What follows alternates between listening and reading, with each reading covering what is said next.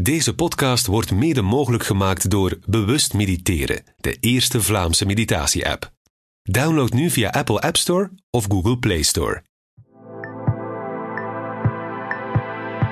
Dit is Sensitief, de podcast van Yves de Wolf. Gevoelige gesprekken met mooie mensen. Als je de gong hoort, is het gesprek voorbij. Een aparte aflevering deze keer. Ik wil heel graag de vragen stellen. Oei, En ik wil graag vermijden om antwoorden te geven. een gesprek met artiesten is toch steeds een beetje anders.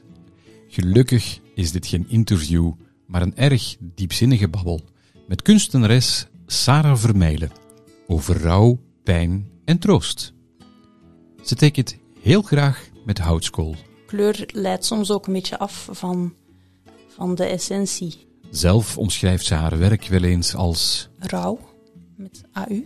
En we hebben het ook over rouwen, in die andere betekenis. Alles dat eh, uw toekomst verandert, of dat uw heden verandert, gaat ga vaak met een soort rouwproces gepaard. Samen met Inneke Gooivaart, juweelontwerpster, bracht ze niet meer, niet minder tot leven.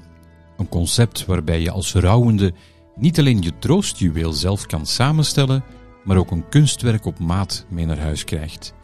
En daar moet je voor in je kracht staan. Wij hebben dus geen schrik voor, voor de moeilijke verhalen en we willen heel graag mensen helpen op een of andere manier. Hoe ze dat doen, hoor je op het einde van het gesprek. Dit is Sensitief. Gevoelige gesprekken met mooie mensen. Nee, in het normale leven komt je dit niet tegen, Yves. Ik weet het niet. Ik weet het niet. Ik weet Jij bent een en al confrontatie. Is, dit, is dit jouw eerste podcast? Het zal wel zijn, ja. Ja. En eigenlijk begin ik meestal met vragen stellen, maar ik zit een beetje met mond vol tanden. Je komt hier binnen en ik krijg een fantastisch cadeautje van jou. Mhm. Vertel eens, wat, wat heb ik nou gekregen van jou? Een boek. Het is een boek dat ik gemaakt heb in 2018. Uh-huh. En dat is een, een bloemlezing van verhalen van andere mensen. Verhalen over pijn en troost. En het is eigenlijk het, het onbedoelde resultaat van, ehm, van een mislukt sociaal experiment, of een artistiek experiment, Ja, van het jaar ervoor. ja, ja. Want in 2017 had ik zelf een hele grote tentoonstelling gemaakt. ja.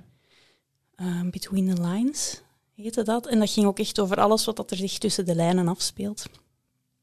Eigenlijk, ah, dat is mooi gezegd voor, dat ging eigenlijk over pijn. en terugblikkend misschien mijn eigen pijn. Maar ik wou dat dan aan een groter geheel ophangen.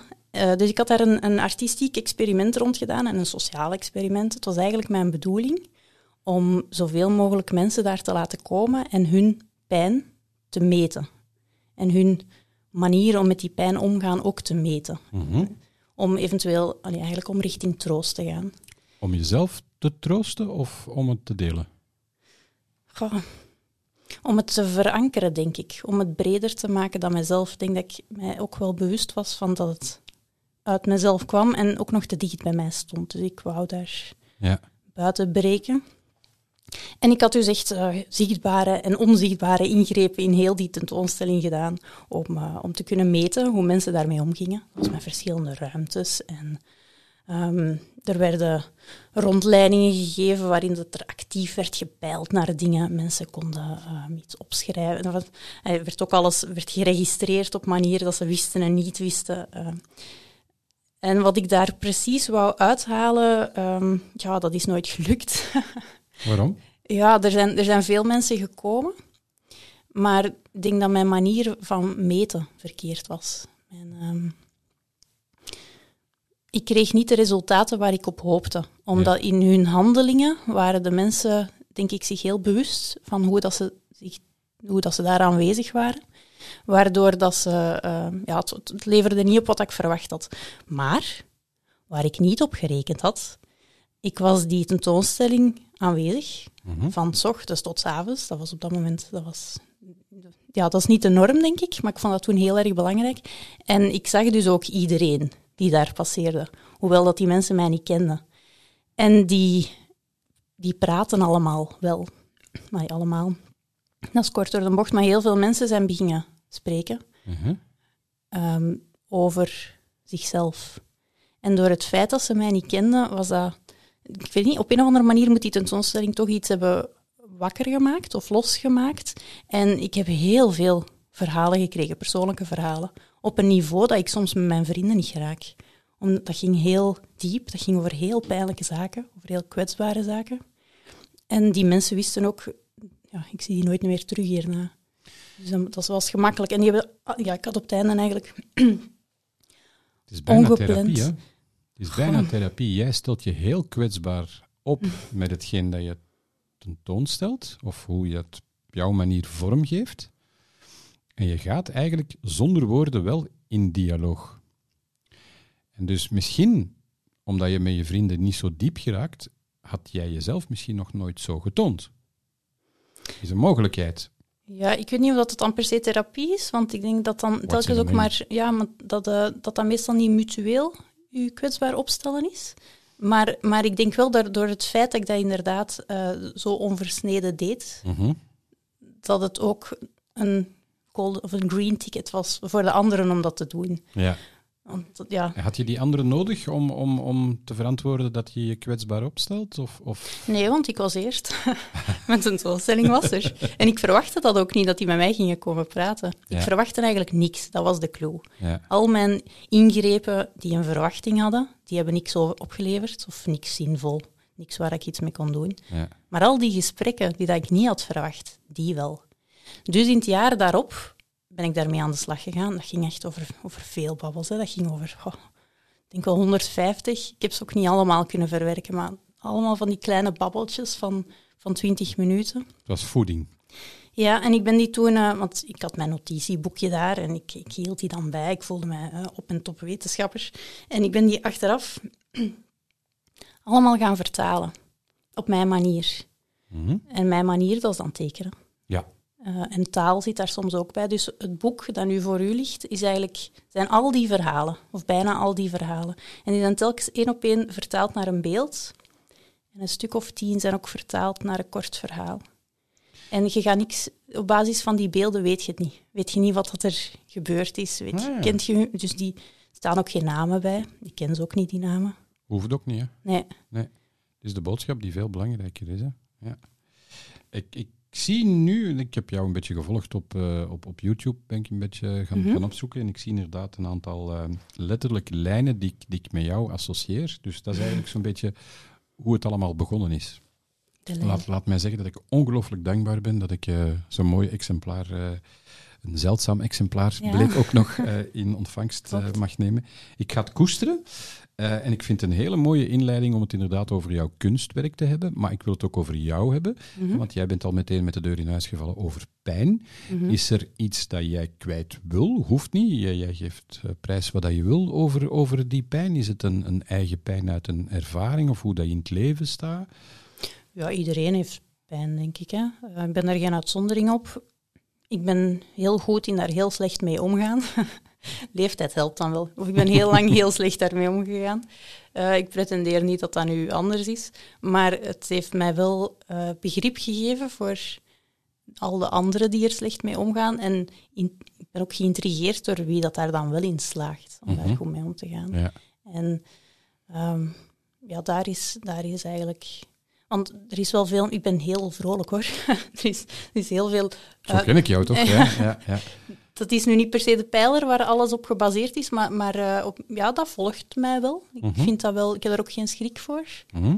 Eh, soms zoek ik dat misschien zelfs een beetje op in de zin van sport. Ehm, ik vind het, het geeft mij voldoening om heel hard te sporten.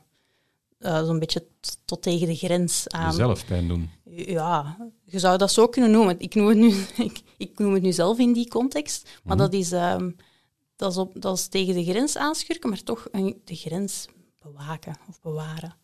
Of boetedoening. Oeh, zo zou ik het.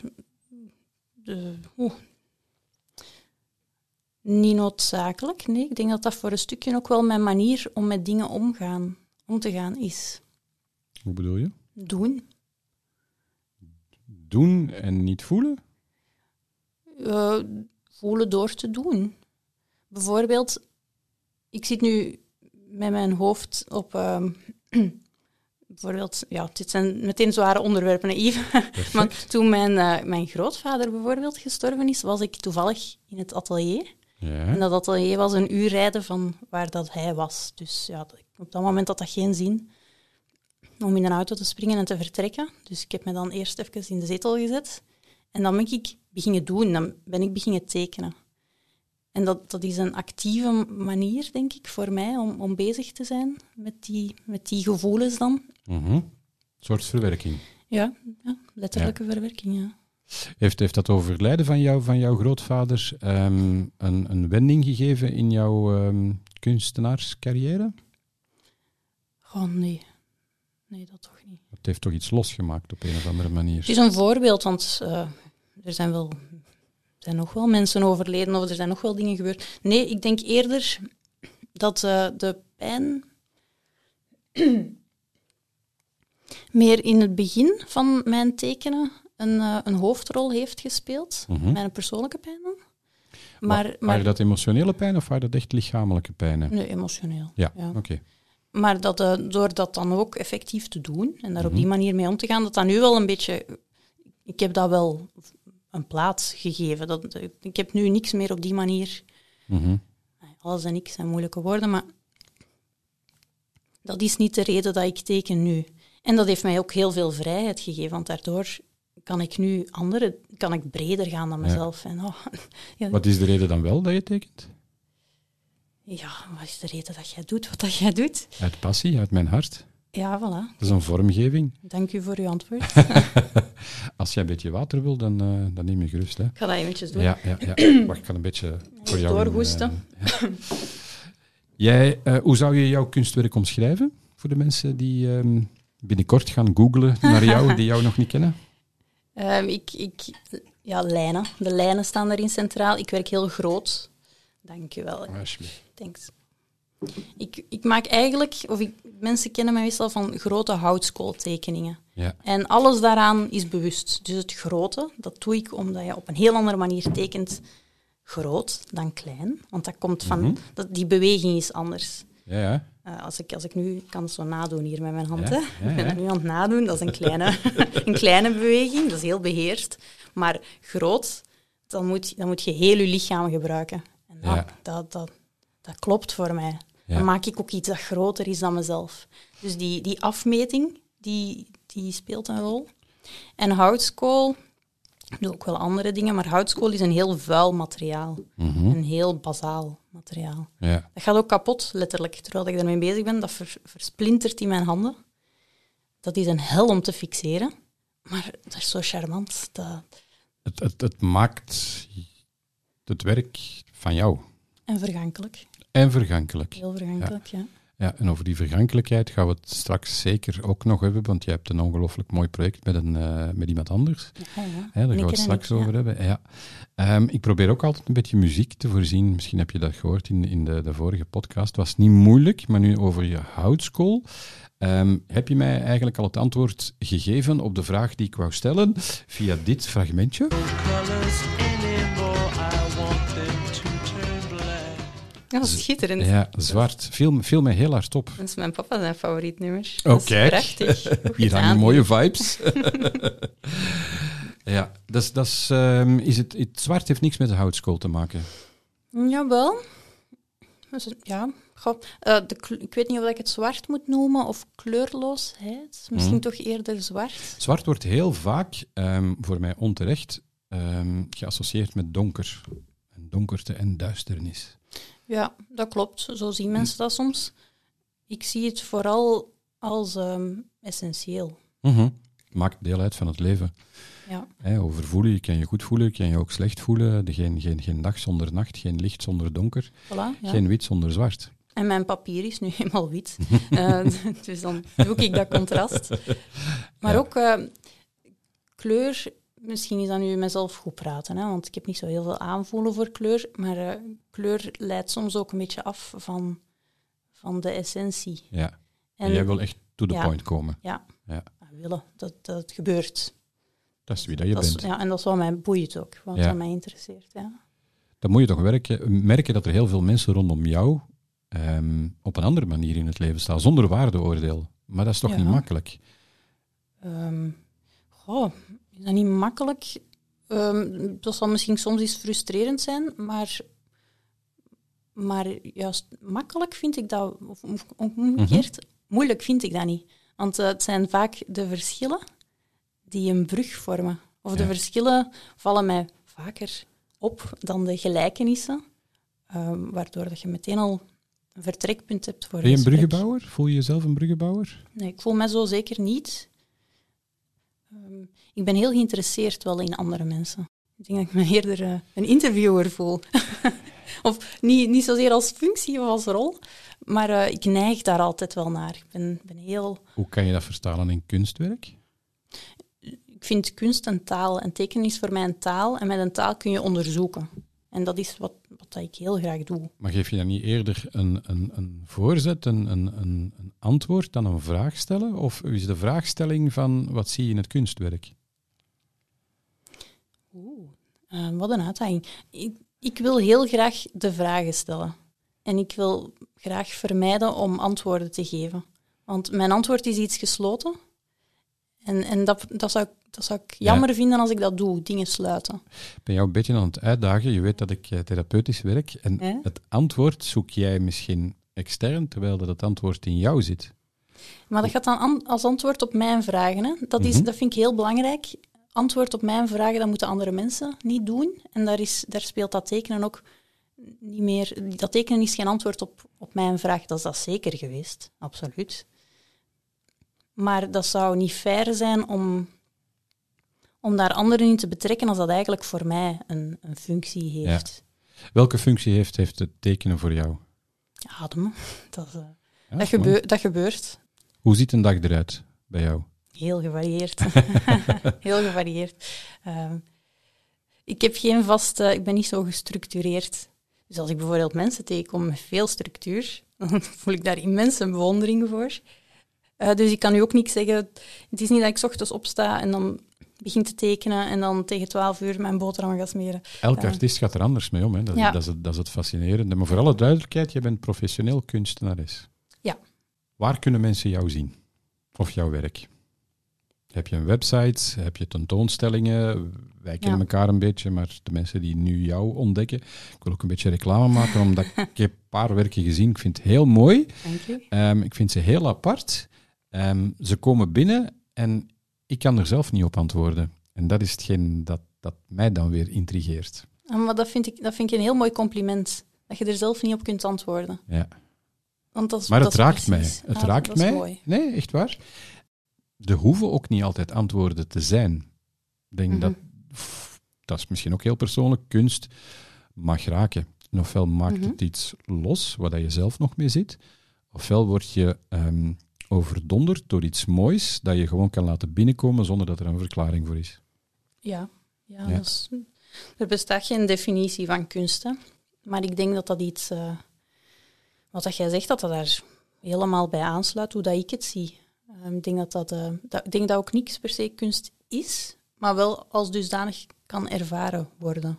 En dat dat eh, een gemakkelijke maatstaf is als, eh, als je langdurig, of als je blik langdurig wordt vastgehouden door iets dat eigenlijk geen functie heeft. Ja. En als dat mooi. inderdaad iets in u kan losmaken op het moment dat je zelf geen belanghebbende bent. dus niet de kunstenaar, niet de muze, geen opdrachtgever, maar iemand dat er echt niks mee te maken heeft. Geen tijd, geen ruimte. Overs of overstijgend. Ja. Ja. Het is bijna universum, bijna kwantumfysica. Heb je altijd gedroomd om kunstenares te worden? Want kunstenares is maar een rolletje, hè? Ja, eh, dat durf ik te zeggen omdat ik nog een vriendjesalbum heb van eh, het eerste leerjaar. Ja. En, eh, ja. en ik had toen pas leren schrijven, want dat is toch een van die vragen, wat wil je later worden? Als ik groot ben. Ja, en dan stond daar tekenares, helemaal verkeerd geschreven, dubbele A. en ik moet wel zeggen, ik heb dat dan blijkbaar later doorstreept. Dat was mijn ander kleurtje, dus ik zag en ik kon al iets beter schrijven, dus dat moet dan het jaar daarna of zo zijn geweest. Ik het doorstreept en ik heb daarboven geschreven, iemand lief. Wow. Oké. Ja. Wat zegt dat over jou? Goh. Zeg jij het maar maar. Ik heb het antwoord niet. Misschien moeten we het daarbij houden. ja. Ja. Wil je... Wil je Dat het tekenen eerst was, zegt dat. Oké, oké. Meer dan lief zijn. Wanneer ben je echt ehm, aan de slag gegaan als, als, als kunstenares? In, in, je- allee, de wens was er op, op het eerste schooljaar. Dan in puberteit, want dat, dan gaat men meestal ook op zoek naar zichzelf. Ben je toen al eh, beginnen rebelleren onder de vorm van, van, van kunst? Of eh, Nee, uitdrukkelijk niet zelfs. heel bewust? Mm, Bewust, zelfbewust. Ik denk, ehm, ik denk dat ik ehm, als, als klein meisje geen, eh, geen stem had. Ehm, deels omdat ik dat, dat vocabularium niet had, maar ook wel omdat ik misschien ook die vrijheid niet per se voelde van, ja, als, als klein meisje, om mijn eigen stem te hebben.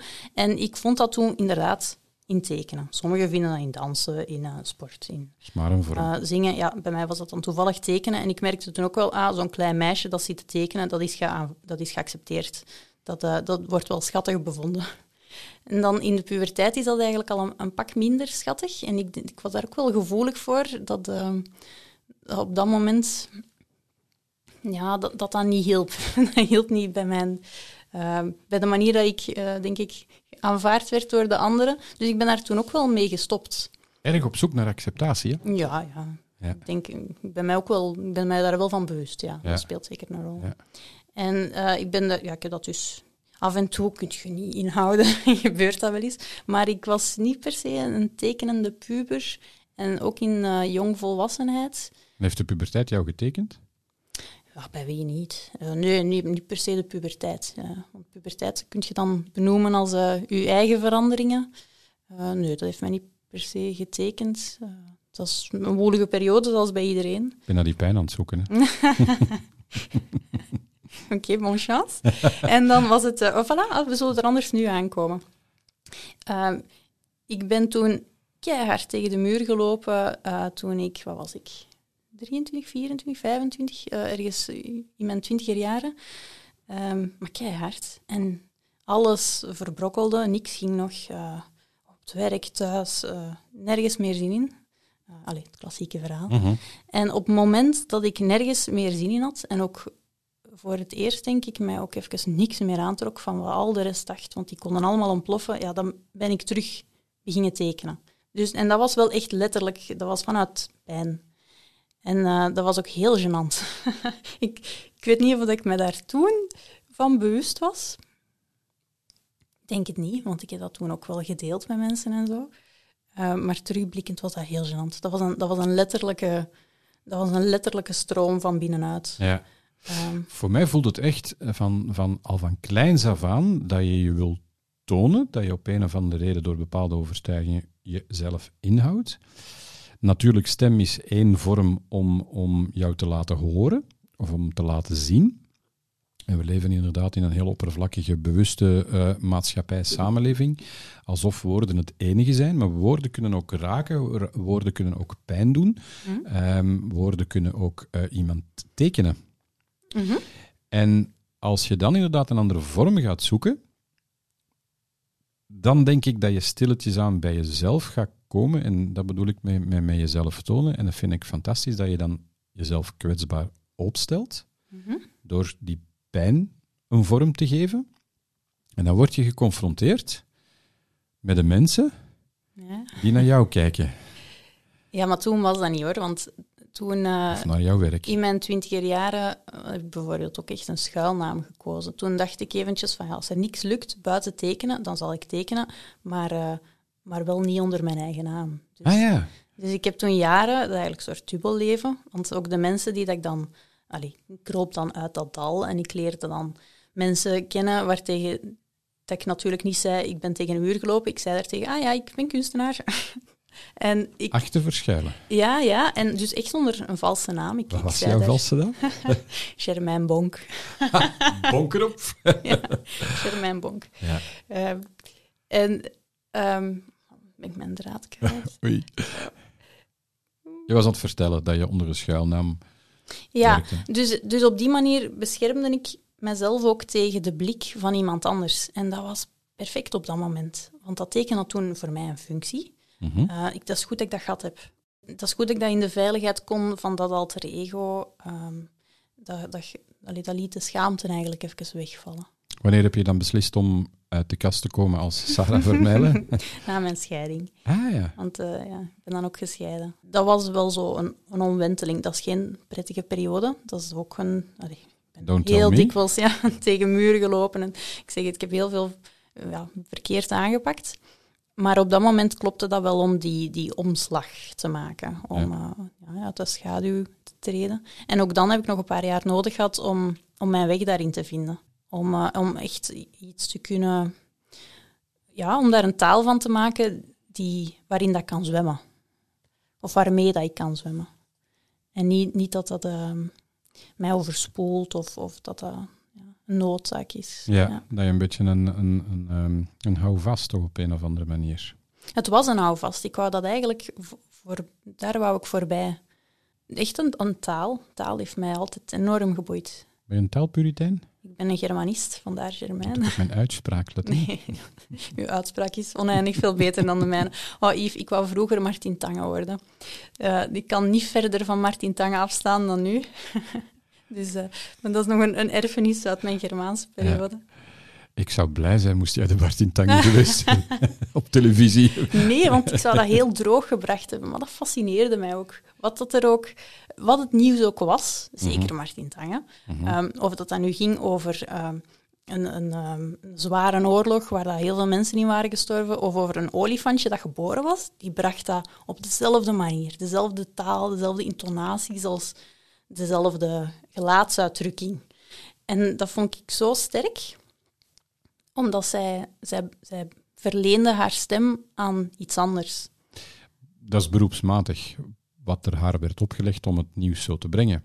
Ja, maar dat sprak mij wel aan. Ja. En dat fascineert mij dat je dat zegt, want dat is zeer zakelijk, zeer cool.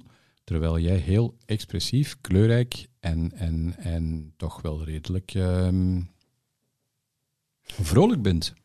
Ja, als persoon. Martin Ja. Tangen is dat ongetwijfeld ook. Maar als ik, sinds ik die, die, dat die interesse in Martin Tangen zijn, die komt van heel lang geleden. Maar als ik daar nu op terugblik, klopt dat ook wel. Want als ik, ik breng, ik draag heel graag het verhaal van iemand anders, of ik, ik verwerk heel graag het verhaal van iemand anders. En er is maar één gepaste manier om dat te doen, en dat is door mezelf niet in dat verhaal te vermengen. Ik doe dat automatisch omdat ik mijn taal gebruik. En die taal staat niet in een woordenboek of zo, dus dat is, dat is heel persoonlijk. Maar ik vind dat eh, een vorm van respect dan om, om het, de integriteit van dat verhaal te bewaren. En, en dat, niet, eh, ja, dat niet gaan inzetten voor mij of een stukje van mij daarin te stoppen. Maar ik Dus- heb jou een paar keer ontmoet, zo voel ik jou ook aan. Dus jij bent echt wel aan het tonen wie je bent. En niet enkel ja, wat dat je nu kan. wel. Ja, ja. ja. Dat is wel mooi. Dus- Hoe, hoe zou je jouw werk omschrijven? hoe dat? Mijn, eh, mijn tekenen. Ja, Inhoudelijk of vormelijk? vormelijk. Inhoudelijk moeten ze zelf ontdekken. Het is de moeite waard. Ehm, vormelijk zou ik het omschrijven als ehm rauw, met AU. Mhm. Dus, dus vrij direct, eh, hoekig, maar, maar ook eh, rond. Wat een bruggetje. Rauw. Ja, ja, Maar dan met OU. ja. Heel, heel gevoelig thema. Hè? Daar heb ik ook iets van gevonden. Ik zou ook wel eens een keertje sterven. Ramse Shaffi. Ja. Er zijn heel veel liedjes gemaakt. Er zijn er maar een paar die me echt raken. Onder meer Ramses Shaffi. Maar dit vind ik ook heel mooi. Ik wou het eens delen met jou of dat je het kende. Het is tijd om Stef te Bos. gaan, Kijk. want er is zitten duidelijk op dezelfde golflengte. Ja, ja. Muziek wordt heel vaak gebruikt ehm, in, de, in rouwomstandigheden. Ja. Mu- muziek is helend, muziek, is, muziek is, eh, brengt mensen dichter bij elkaar voor mensen die mm, mensen verliezen. Ehm, maar muziek is ook maar één vorm. En jij gaat jouw vorm, de tekenvorm, samen met een collega, vriendin. ehm, Allemaal. eh, allemaal, Samen met is mooi. Ineke Gooivaert. Ja. Ja, Ineke is, eh, heeft een eh, juwelenmerk. Ja, zij is meester goudsmid bij Mhm. Simple Comme Bonjour. Mhm. Ze doet al twintig jaar. Zij is Ja. echt een ambachtsvrouw en, en ehm, die al langer met dat thema bezig is. Ja, ook het, het rouwen op zich. Ja, ja, ook rouwjuwelen. Van waar jullie passen voor, voor, voor, eh, passie voor, voor rouwen? Een passie voor rouwen, dat is een brug te ver. Klinkt verkeerd, maar, maar, maar je moet het toch kunnen brengen op, op een hele mooie manier om het bespreekbaar te maken. Ja. Moet je verdorie sterk in jullie schoenen staan. Ik denk dat we er alle twee geen schrik voor hebben. Mhm. Eerder dat. Dat, er, dat er voor ons weinig taboe rond hangt. Mhm. eh, en dat wij alle twee heel erg van mensen houden. En dat wij ook echt geraakt kunnen worden door het verdriet van iemand anders.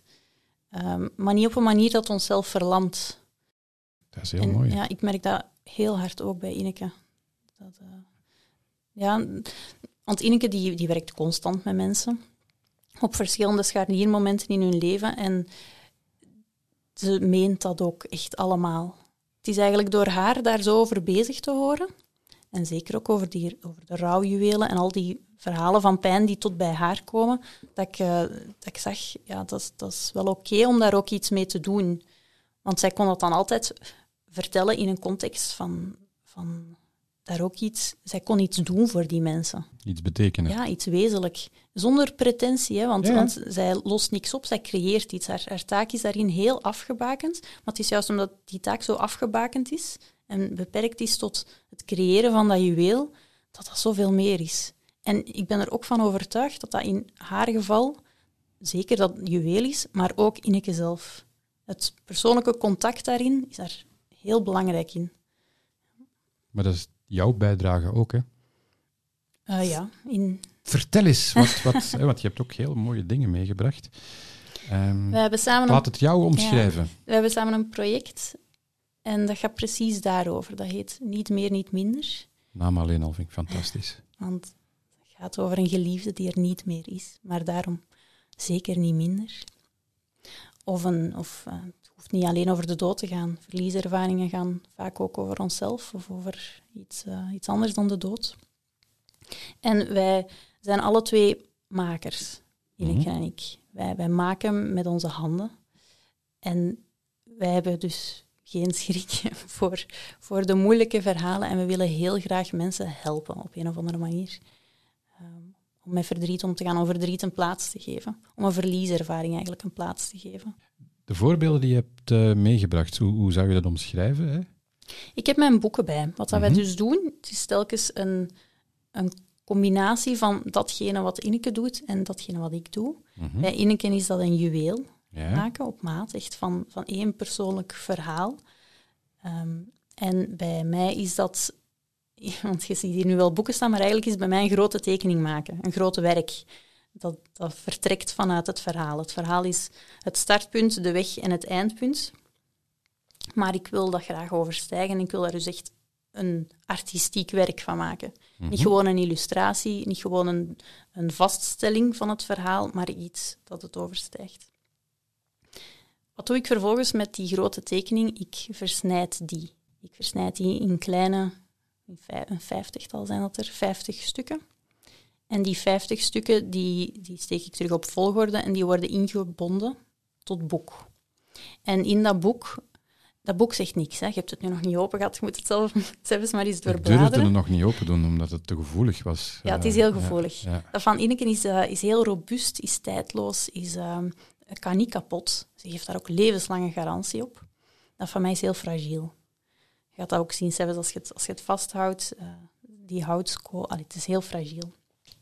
En de, het punt is ook een beetje dat, dat de dood of verlies, dat verandert de vorm van dingen. Daarom dat ik hier ook letterlijk de vorm van dingen veranderd heb. En als je daardoor bladert, ja, die dingen zeggen niks. Je krijgt een stukje van een lijn, Hm? maar dat zegt heel weinig. En net daardoor zegt dat zoveel. Dat is ook hoe dat je terugdenkt aan, aan iemand die je verloren bent. Je kunt die nooit in zijn geheel meer bij u hebben, maar je hebt fragmenten, je hebt, je hebt herinneringen, je hebt eh, kleine dingen in je dagelijks leven waar je op botst van, ah, dat deed die ook. Of hoe zou het zijn met die het, het erbij. neem me niet kwalijk als ik het verkeerd omschrijf, maar ik beeld mij in. Ehm, mensen komen bij jou, doen hun verhaal. Mhm. Jullie luisteren, jullie geven het een vorm op jullie manier. Ja. Maar eigenlijk, ja, het juweel is, is zeer zichtbaar voor, voor het boek. Zal misschien iets minder duidelijk zijn voor, voor andere mensen. maar door het feit dat het zo ehm, persoonlijk is, zou ik het bijna als een roman omschrijven. Want men gaat uit van het verhaal dat men zelf aan jou geeft en jij weerspiegelt op een, op een, op een artistieke manier. Maar voor hen moet dat toch als een boek bijna lezen. Wel, ja en nee. Voor een stuk wel. Eh, maar, maar tegelijkertijd, een, een roman is in essentie een verhaal. En hoewel dat alles hier rond het verhaal draait en hun verhaal en hoe dat ze zich daarbij voelen en hoe ze, wat dat de betekenis van die persoon was, eh, vind ik het, eh, streef ik er altijd wel naar om het verhaal, om het zo verzadigd te maken van dat verhaal dat het uh, dat verhaal kunt, ja, dat dat wegvalt. Ja. Dat dat daar helemaal in zit, hè? Mhm. Helemaal, maar, maar dat je, ja, dat dat inderdaad de essentie is, een beetje dat de energie van, van de persoon daarin zit. Het hele punt, hè, je bent daarnet begonnen met muziek. Het hele punt waarom dat ze muziek spelen op begrafenissen, is omdat taal tekort schiet. Omdat eh, op het moment dat je met zo'n beladen dingen zit, ja, is, is het verhaal, een narratief, past daar niet bij. Woorden kunnen ook verkeerd overkomen. Als het niet met de juiste intentie is, als het, als het voor mij geen diepgang heeft, eh, dan zijn het loze woorden. Ja. En, en de dingen, hoe ik het aanvoel bij jullie, zijn, zijn recht uit het hart, op jullie manier vormgegeven. Ja. Maar ehm, moest ik bij jullie in- op gesprek komen in, in zo'n situatie, ik, ik zou denk ik door het boek en door het juweel kijken. Door het boek en het juweel kijken, Ja. uit. Ja, ik, ik zou eerst een connectie maken met, met, met, met jullie. En als het klikt, gaan jullie aan het werk voor een verlies dat ik heb geleden. En dan, Mhm. dan schrijven wij eigenlijk samen een soort verhaal en is de vorm van minder belang. Maar dan gaat er Ja. een, een, een ongelooflijke boodschap in mijn systeem blijven hangen, wat, wat eh, letterlijk onbetaalbaar is. Ja, ja, ik denk dat er een, een, er zit een bepaalde rituele waarde in, wilt je Ja, zeggen. Hè? Ja, dat is zeker. Want je gaat samen door een proces en wij zijn daar maar actoren in, Mhm. maar dat, dat gaat over, over hen. Mhm. Ja, effectief. En, en onze bedoeling is een beetje om die persoon op een of andere manier terug tot leven te brengen of, of ehm, te erkennen in zijn, zijn nieuwe manier van deel Ja, uitmaken Ja. van de liefde. Ja, En, en daar inderdaad daar iets in aanreiken liefde is loslaten. en opnieuw verbinden. En opnieuw verbinden. Ik zoek nog een tekstschrijver. Doe ik graag.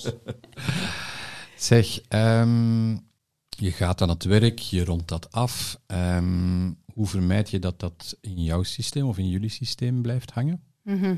Goeie vraag. Daar, daar heeft Ineke het soms ook over, omdat ze zegt dat, eh, dat ieder verhaal echt binnenkomt. Mhm. Het is niet dat dat wendt op den duur. Eh, dat is telkens opnieuw heel emotioneel. Ja. Ja. Ehm, maar tegelijkertijd zijn wij wel... Dat is onze manier om, om, er, om met moeilijke zaken om te gaan. Doen. Ja. Bij mij is dat tekenen, bij Ineke is dat smeden. Ehm, dus dat is, dat is waarom dat ik het voorbeeld daar straks van mijn grootvader gaf. Als, als er los van andere mensen, als er mij zoiets overkomt, dan, dan is dat wat dat ik doe. dan ga ik tekenen. Dus eh, het, is, het, is, eh, het is een beetje inademen en uitademen. Het verhaal van die mensen of de emotie krijgen is het inademen en het tekenen is dan het uitademen. En doet echt wel deugd als je dan ook ziet dat dat waarde kan creëren. Het, het voelt eerder aan als duiken in dan vluchten in. Voor ons is dat niet... Ja, dat zou niet fair zijn, denk ik. Als dat, als nee, van als je ons- persoonlijke ervaring hebt, bedoel ik. Hè? Ah ja, ja inderdaad. Ja. Nee, nee, ten opzichte van andere mensen, dat, dat, dat begrijp ik volledig. We praten er nu over en ik wil toch ook wel eens even verwijzen naar YouTube. Want er staat een heel mooi filmpje ehm, op waarin dat je jou aan het werk ziet, waar Ja. je Ineke aan het werk ziet. Welke site kunnen zij terecht? Eh, zeker, ja, die van mij is sarahvermeilen.be, Mhm. Sarah zonder H. En eh, die van Ineke is simplecomebonjour.net. Daar staat En- alles op. Niet meer, niet minder. Niet meer, niet minder is eh, het, de naam van wat dat wij doen, ja. Ja. En jullie zijn net opgestart, heb ik begrepen. Hè? Ja, het, het concept bieden Ja. wij nog maar oh, twee weken aan. Ja. Ja. dat, is, dat is helemaal nieuw. Stel dat ik iets meemaak, Mhm. Ik kom naar jou. Op zich niet belangrijk, maar, maar qua termijn, hoe, hoe gaat zoiets in zijn werk? Want dat is toch niet iets dat je zoals bij een begrafenis de kaartjes moeten gedrukt worden, de, de, de kist moet besteld worden of, of, of wat dan ook. Bepalen jullie de termijn? Bepaalt de klant de termijn? Misschien een onerbiedige vraag. Wat maar- bedoel je juist met de termijn? Dat, dat het Ja, klaar is dat is een, dat is eerste een gesprek, proces, ja. toch? Ja. Hoeveel gesprekken heb jij zo met, met, met die mensen? Ehm, in essentie, goh, dat, dat, hangt af. Het ritme wordt aangepast aan wat het er kan. Mhm. Maar ik denk dat je moet rekenen op een doorlooptijd van een dikke maand. Zoiets. Dat is nog vrij snel. Ja, dat is vrij Ja, snel. ja. Ja. Wat ik ook wel mooi vind, denk ik, om, omdat als je in dat proces zit, dat je even bekomt van, van, van die eerste dagen, dat heel overweldigend is, want dan begint eigenlijk nog maar pas het echte rouwproces. Ja, ja. Kunnen ook Eh. mensen naar ons komen die ja, mijn verlies van 30 jaar geleden. Uiteraard. Dat was ook een vraag die ik wou stellen. Ja. En dat is heel mooi. Je, biedt eigenlijk een heel mooi, ehm, bijna antwoord op, op bepaalde vragen waar mensen mee zitten. Ze gaan op zoek en, en het is een beetje een spiegeltje hè, dat, je, dat je voorhoudt. Een spiegeltje. Ja.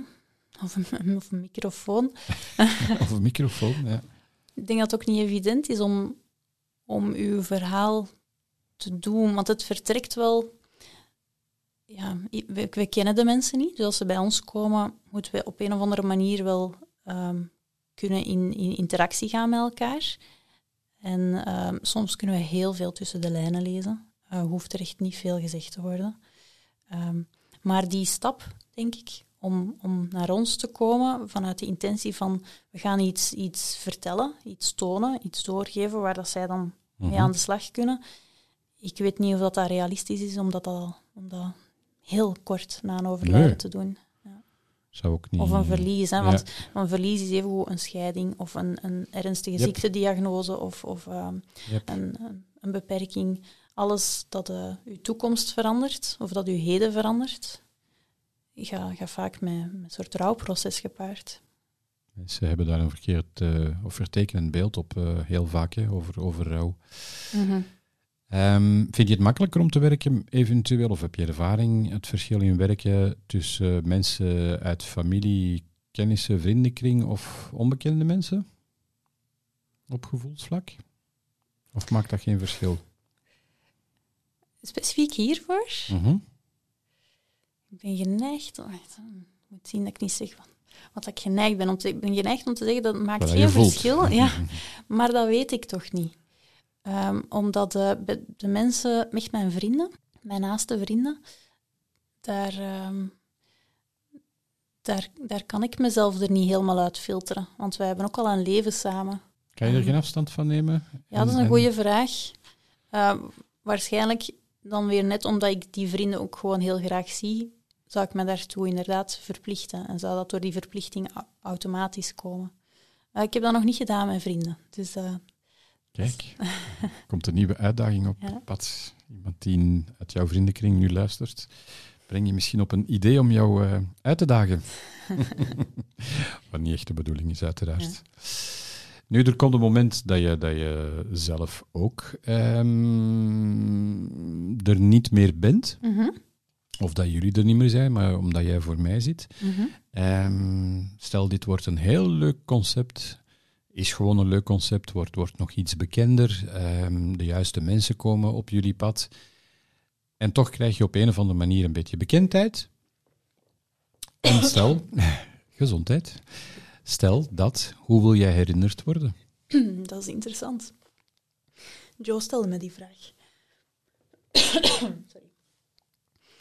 Ehm, hoe wil ik herinnerd worden?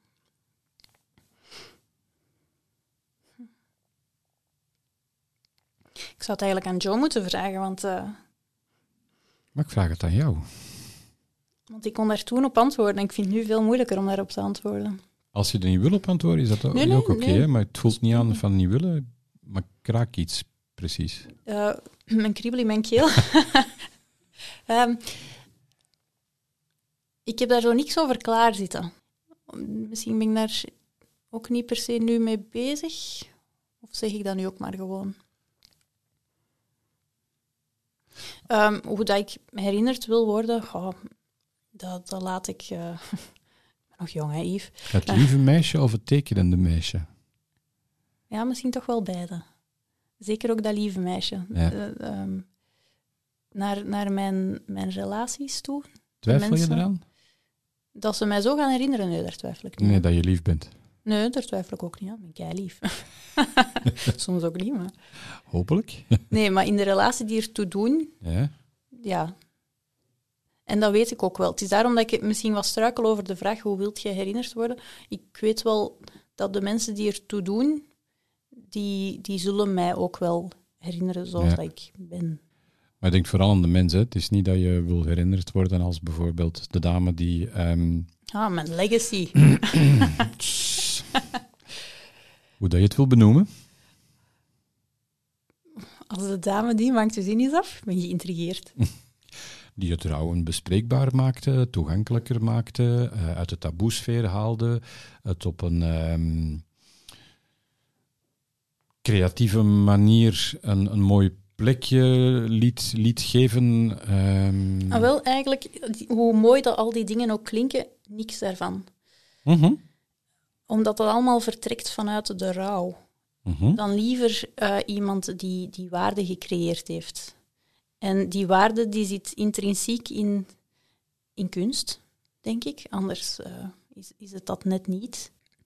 Dus als het effectief u langdurig kan vasthouden en voor u iets kan doen, en, en dus dat artistiek niveau bereikt, en als het dan toevallig ook nog voor u persoonlijk troost kan brengen, ja, dan, dan, dan heb ik iets waardevol gedaan en waardevol gecreëerd. Kijk, zo eenvoudig En, is het. ja. Ja. ja. En als ik mooi. dat kan doen, en dat gaat dan over doen nu, dan, dan ben ik nu heel gelukkig. Eh, Dat, Ja. dat zou mij heel veel plezier doen. En eh, dat herinneren, ja, dat, dan hoop ik eigenlijk meer dat de mensen hun eigen geliefde herinneren. Dat zou leuk zijn, als, eh, als dat gewoon lukt. Dat zo. Ja, dat ik daar overbodig in ben. Ik word er zelf stil van.